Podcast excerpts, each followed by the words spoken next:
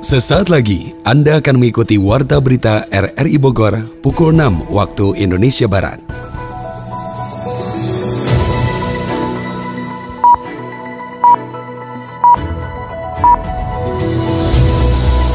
Selamat pagi, salam jumpa. Kami kembali hadir dalam Warta Berita Pagi ini, Jumat 19 Mei 2023. Siaran ini dapat Anda dengarkan melalui audio streaming RRI Play pada perangkat Android Anda, serta turut disiarkan Radio Tegar Beriman Kabupaten Bogor. Berikut kami sampaikan berita utama.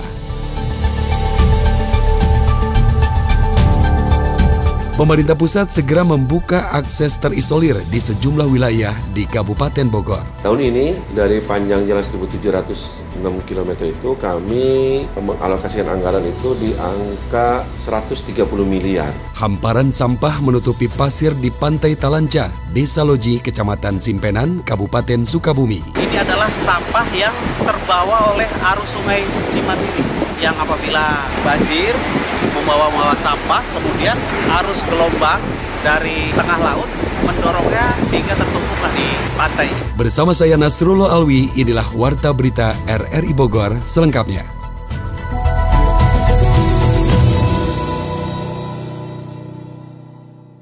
Peringatan kenaikan Isa Al-Masih tahun ini memberikan makna agar umat Nasrani bersatu dalam menjaga NKRI dalam bingkai bineka Tunggal Ika saat tahun politik. Laporan Sony Agung Saputra. Prosesi ibadah kenaikan Isa Al-Masih berlangsung di Kota Bogor dengan adanya peribadatan di sejumlah gereja seperti GPIB Zebaut Bogor. Dalam peringatan kenaikan Tuhan Yesus itu pemuka agama gereja memberikan makna agar umat Nasrani bersatu dalam menjaga NKRI dalam bingkai Bhinneka Tunggal Ika saat tahun politik. Pendeta GPIB Zebot Bogor Margiri Rihena mengungkapkan hari kenaikan itu Tuhan Yesus meninggalkan berkat untuk umat yang tinggal di bumi dan umat yang tinggal di bumi itu adalah bagaimana menjadi saksi yang baik di tengah hidup keseharian. Kemudian dalam menghadapi pemilu 2024 ke depan, iklim suasana perpolitikan masyarakat memang sudah mulai terasa. Proses pemilihan ini akan berlangsung, calon-calon sudah mulai bermunculan. Untuk itu umat terpanggil sebagai warga gereja sekaligus warga masyarakat adalah orang-orang yang hadir di lingkungan untuk membawa kedamaian. Dalam hari kenaikan itu Tuhan Yesus meninggalkan berkat untuk umat yang tinggal di bumi dan umat yang tinggal di bumi itu menjadi saksi Kristus dengan berkatnya itu. Saksi itu adalah bagaimana menjadi saksi yang baik di tengah-tengah hidup keseharian kita, baik itu di rumah, baik itu di masyarakat, baik itu di lingkungan gereja gitu ya. Jadi setiap umat Kristen dipanggil untuk menjadi alat saksi Tuhan di ruang mana pun ia hadir. Menjelang tahun politik 2024 ke depan, iklim suasana perpolitikan masyarakat memang masih dalam situasi atau sudah mulai terasa lah ya. Artinya bahwa sudah mulai terasa di mana-mana gitu ya. Proses pemilihan ini akan berlangsung, calon-calon sudah mulai bermunculan dan kita terpanggil sebagai warga gereja tapi juga warga masyarakat bahwa kita adalah orang-orang yang hadir di lingkungan kita untuk membawa damai. Secara implementasi, umat harus bisa melakukan kebaikan dalam setiap gerak langkah kehidupan bermasyarakat, terutama di era digitalisasi dengan adanya informasi teknologi yang pesat melalui dunia internet atau maya menjadi saksi baik dunia maya ataupun dunia nyata. Untuk itu umat harus mampu memilah dan memilih informasi yang valid dan tidak terjebak pada informasi menyesatkan bahkan palsu hoax yang bisa menyebabkan perpecahan di antara anak bangsa. Kami menghadirkan atau mendorong warga gereja juga kami semua para pelayan untuk ada di ruang-ruang konkret kehidupan untuk menjadi saksi yang baik. Jadi saksi yang baik itu dalam konteks masyarakat digital kita bukan saksi dusta gitu ya, bukan hoax yang dikembangkan, tapi menjadi saksi Tuhan yang menyatakan kebenaran, yang menyatakan kebaikan, keadilan, kesejahteraan bagi semua makhluk gitu. Sehingga kehadiran kita itu bermakna dan berarti bagi semua orang. Kan sekarang ini dunia digital justru dipakai untuk mengembangkan hoax gitu ya, apalagi menjelang pilkada atau uh, pemilihan lah pemilu di 2024 dan kita mendorong warga gereja untuk memanfaatkan dunia digital untuk melakukan hal-hal yang baik atau kebaikan. Selanjutnya dalam ibadah kenaikan Tuhan Yesus ini berlangsung di sejumlah gereja seperti GPIP Zebaut yaitu Gereja Betal, Pura Tajur Halang, Lawang Gintung dan Panti Reda di Ciguda Kabupaten Bogor dengan waktu yang sudah diatur majelis jemaat agar membuat aman dan nyaman para jemaat yang hadir. Indonesia dibayangi ancaman limbah logam dan limbah padat beracun berbahaya, dampak sebagai negara industri dan penghasil bahan baku produk elektronik terbesar di Asia, bahkan dunia. Yofri Haryadi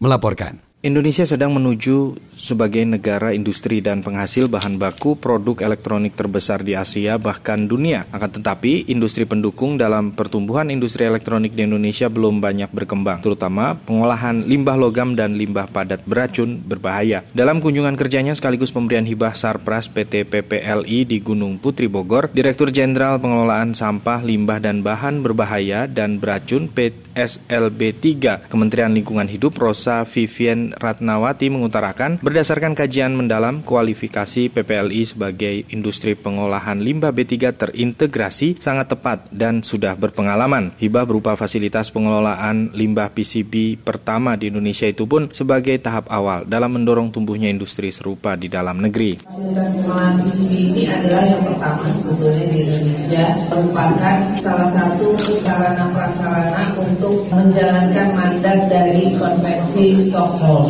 Kita meratifikasi konvensi Stockholm itu pada tahun 2009 dan memang eh, dimandatkan untuk memphase out PCB pada tahun eh, 2028 sehingga kami juga Indonesia di negara di dunia internasional juga bisa memperlihatkan bahwa komitmen kita kuat pada pengelolaan B3 pengelolaan limbah B3 dan bahwa kita memang dengan meratifikasi kita punya konsekuensi kita harus mentaati. Negara industri yang besar akan memiliki limbah yang sama besarnya dan mengancam kelestarian lingkungan hidup dan ekosistem di dalamnya. PCB atau papan sirkuit dalam produk elektronik sangat berbahaya bagi nyawa manusia. Bahkan lembaga dunia PBB melalui UNIDO memberikan perhatian kepada Indonesia melalui bantuan teknologi dan fasilitas pengelolaan non-thermal PCB. Indonesia itu luas, tapi memang harus punya tahapan-tahapan.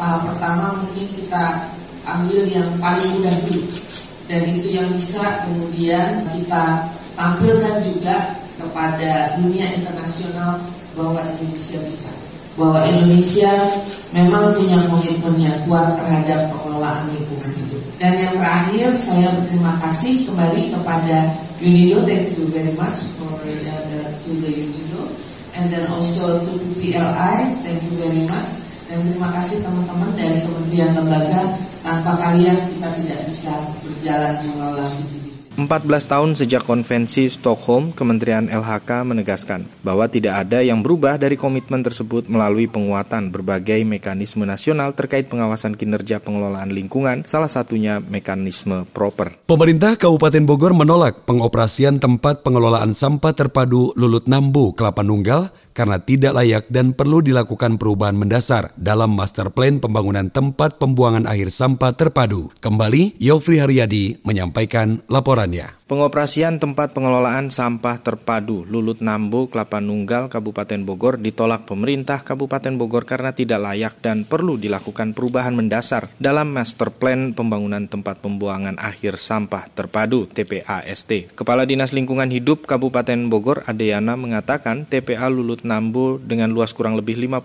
hektar tersebut banyak kekurangannya dan jauh dari konsep awal sebagai TPA berbasis pengolahan limbah menjadi bahan bakar padat untuk menopang produksi industri semen tidak jauh dari kawasan tersebut. Namun kenyataannya sampah yang masuk di TPA ST Luna atau Lulut Nambu itu pun tidak jauh berbeda dengan sistem di TPA Galuga Cibung Bulang. Itu layak nama kondisi Luna belum makanya ada terjadi beberapa perubahan perubahan berarti otomatis dari yang lama.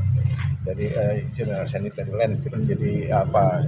Itu ada kalau ada perubahan penempatan berarti kan amdal lagi kudu diganti. Kemudian set plan master planning kudu diganti. Ada perubahan. Dan kondisi di dalam itu kan rusak. Karena terjadi pergerakan tanah. Ya ke mana akibatnya makanya ketika itu waktu saya awal kenapa saya sementara ini kita tolak? Karena waktu itu waktu itu mesin belum datang. Ini mau uji coba nggak bisa. Kalau tadi open dumping nanti bau. Kan komplain mas. Dan lagi pula kalau memang sudah komplit itu pun harus dimusyawarahkan dengan lima desa mengenai kompensasi. Nggak bisa uh, ya dana duit rencana uang uang bau kepada masyarakat itu kan di, di lima desa ini terlintas, Bantar Jati, Lulut, Nampo, sebagainya lah. Ya.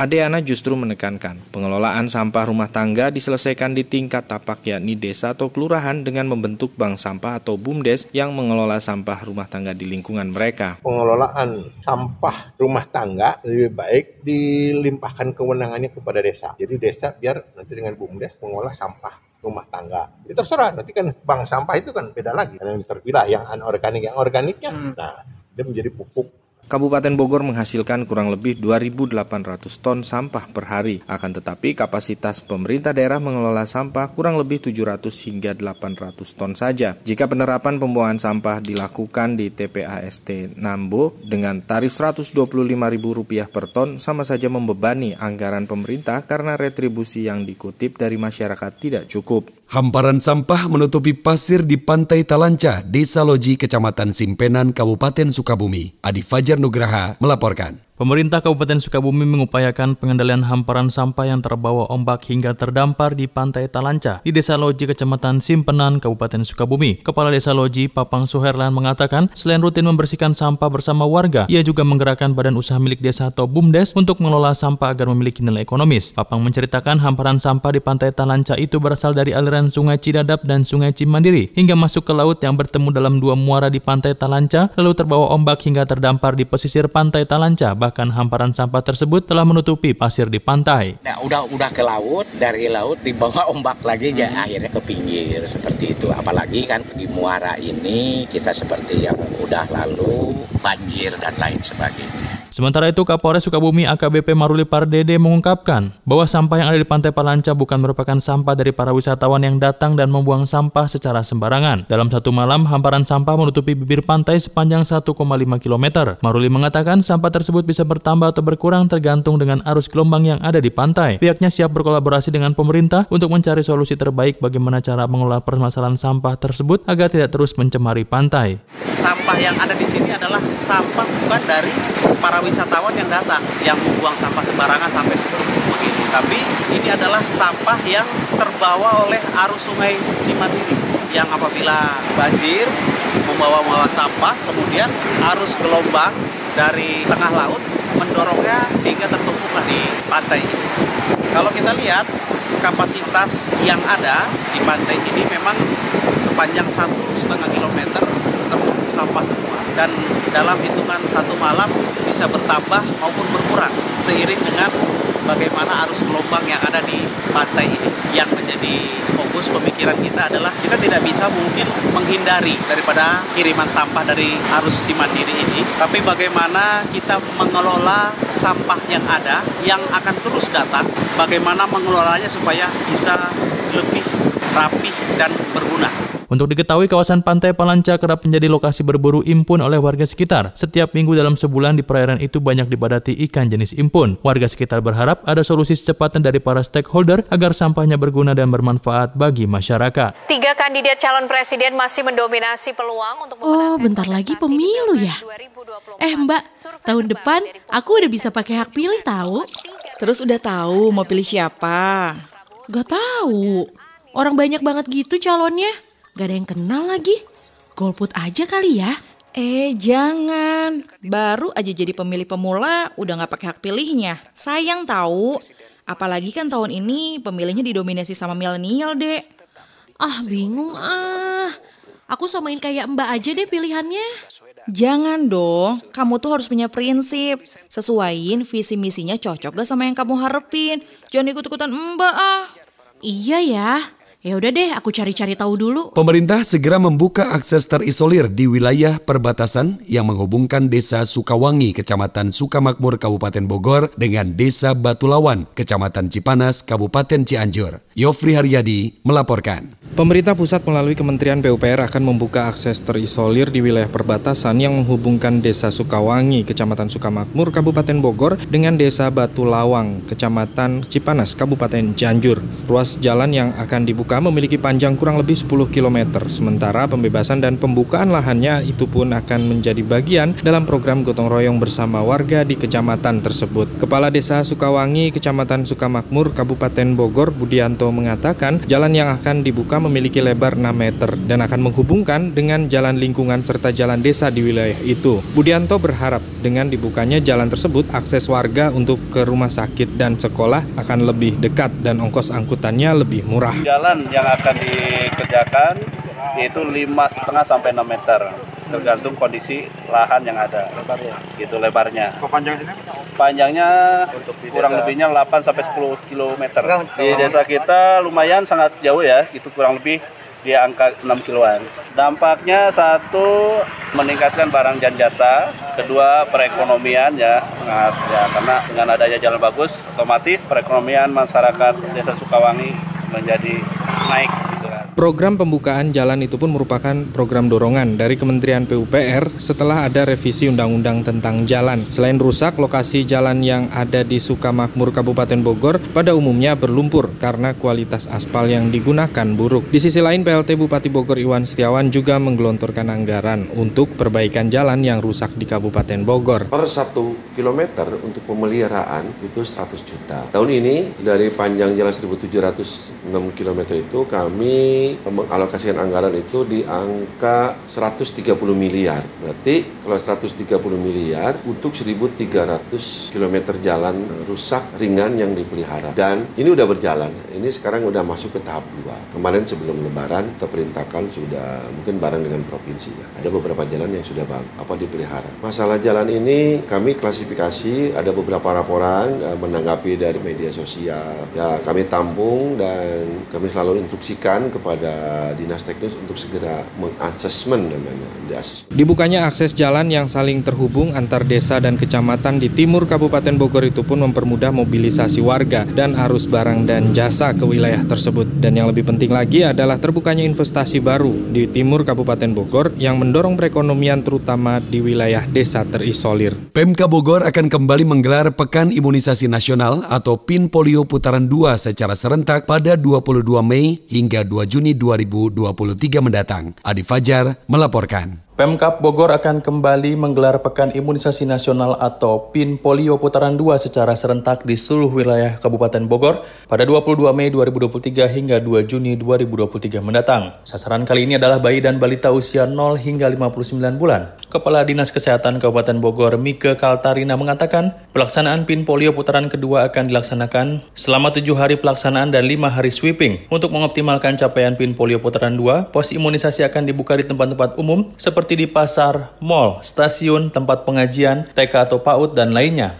Dengan melibatkan seluruh pihak mulai dari camat, kepala desa atau lurah, ketua RT RW, kader PKK, dan dasa wisma. Mika juga menyampaikan apabila menemukan sasaran bayi baru lahir, pendatang maupun terlewat mendapatkan subpolio 1 pada PIN 1, pada PIN subpolio putaran 2 mereka bisa tetap diberikan subpolio dosis 1 sesuai juknis dalam konteks outbreak polio, dan pemberian PIN berikutnya akan mengikuti pelaksanaan sub PIN polio. Selain melaksanakan PIN polio putaran 2 serentak, juga akan dilaksanakan gebiar vaksin COVID-19 di 101 puskesmas pada 20 Mei 2023 mendatang. Dalam kesempatan ini, dirinya juga berterima kasih kepada PLT Bupati Bogor Iwan Setiawan dan juga Ketua PKK Kabupaten Bogor beserta seluruh pihak yang terlibat sehingga PIN polio putaran 1 bisa sukses dilaksanakan di Kabupaten Bogor dengan capaian 91,6 persen atau dari sasaran PIN polio putaran 1 berjumlah 542.530 dan sebanyak 496.948 yang sudah divaksin polio.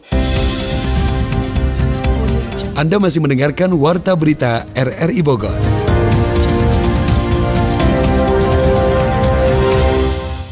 Kini kita beralih ke info ekonomi. Pimpinan DPR RI miris dengan penurunan subsidi pupuk yang terus turun dalam lima tahun terakhir. DPP Ikatan Pedagang Pasar Indonesia menyebut biang kerok kenaikan harga telur dipicu produksi dan distribusi. Info ekonomi selengkapnya disampaikan Adi Fajar Nugraha. Dewan Pimpinan Pusat Ikatan Pedagang Pasar Indonesia (DPP IKAPI) mengungkap biang kerok kenaikan harga telur belakangan ini. Kenaikan harga tersebut dipicu dua faktor, yakni produksi dan distribusi. Sekretaris Jenderal DPP IKAPI Renaldi Sarijowan menjelaskan, faktor produksi berkaitan dengan harga pakan yang tinggi. Kedua, proses distribusi yang tidak sesuai dengan kebiasaan yang biasanya distribusikan ke pasar. Menurutnya, banyak pihak yang melakukan pendistribusian atau permintaan di luar pasar. Tindakan ini menyebabkan supply dan demand di pasar terganggu, serta membuat harga telur terus meroket. DPP IKP mencatat terdapat beberapa permintaan yang cukup tinggi di sejumlah instansi, lembaga, elemen, atau individu. Permintaan tersebut mengganggu arus pasok di pasaran. Namun mereka tak merinci lembaga atau instansi mana yang kerap meminta pengiriman telur di luar pasar. Renaldi lantas berharap pemerintah segera mengambil tindakan untuk mengantisipasi kenaikan harga. Harga telur menjadi sorotan karena mengalami kenaikan. Pada 15 Mei lalu rata-rata harga telur ayam ras di angka Rp30.923 per kilogram atau naik Rp214 dari hari sebelumnya. Di sejumlah pasar Jakarta harga telur berkisar Rp28.000 hingga Rp34.000 per kilogram. Harga termahal terpantau terjadi di Papua, yakni menyentuh angka Rp38.700 per kilogram. Sejumlah pihak menduga kenaikan harga ini salah satunya disebabkan peningkatan kebutuhan dan pesanan nasi bungkus di masa pendaftaran bakal calon legislatif.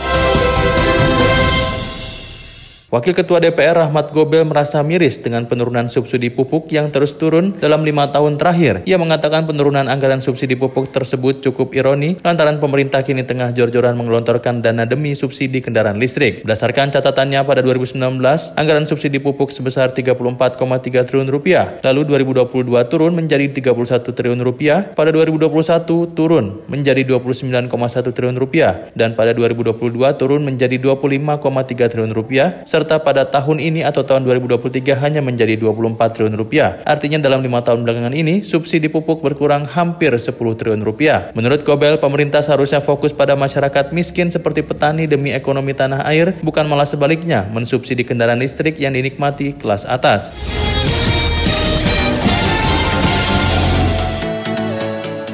Informasi olahraga. Putri Kusuma Wardani minta maaf gagal menyumbangkan poin bagi tim Indonesia di laga pamungkas fase grup B Piala Sudirman 2023. Pengcap Perserosi Kota Bogor pastikan atlet sepatu roda memiliki masa depan cerah jika konsisten menyumbangkan prestasi. Info olahraga selengkapnya disampaikan Ermelinda.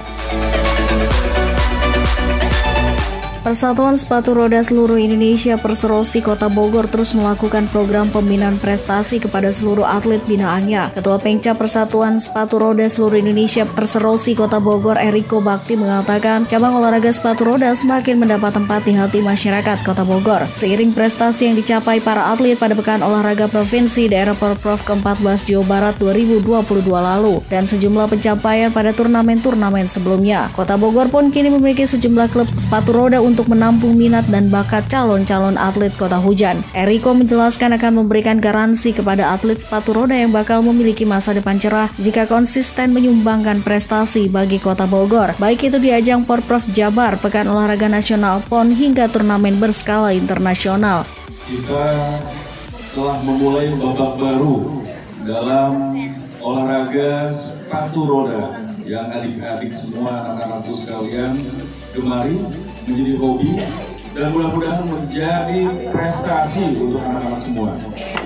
Bukan hanya sekedar hobi, tapi bisa menjadikan ini sebagai modal hidup karena Koni Kota Bogor, Porsosi Kota Bogor itu akan selalu membina atlet-atlet terbaiknya yang akan dipertandingkan di Porpro, Pekan Olahraga Provinsi Jawa Barat, IPON, dan Poli Kota Bogor melalui pemerintah Kota Bogor juga telah mempunyai Perda.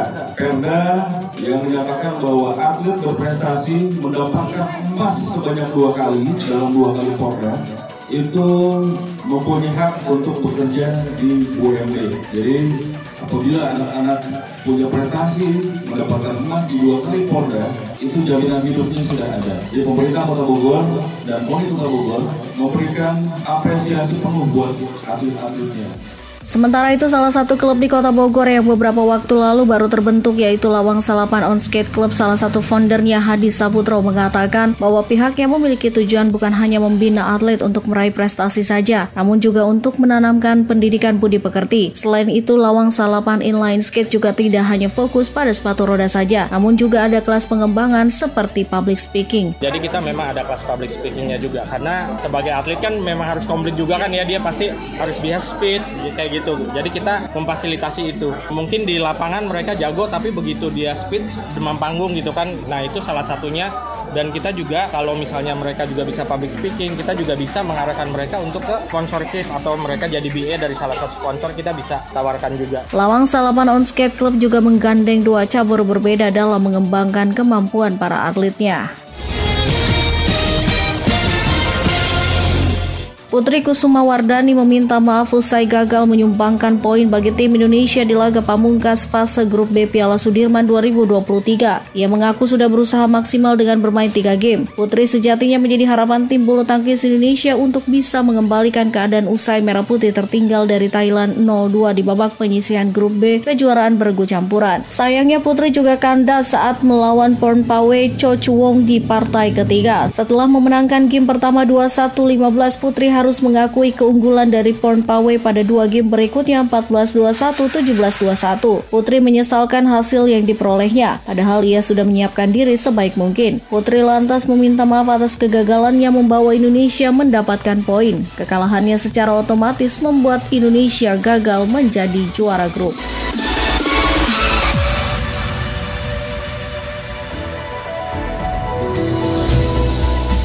Demikian informasi yang dapat kami sampaikan dan berikut kembali kami sampaikan berita utama hari ini. Pemerintah pusat segera membuka akses terisolir di sejumlah wilayah di Kabupaten Bogor. Hamparan sampah menutupi pasir di Pantai Talanca, Desa Loji, Kecamatan Simpenan, Kabupaten Sukabumi. Mewakili kerabat kerja yang bertugas, saya Nasrullah Alwi mengucapkan terima kasih. Selamat pagi.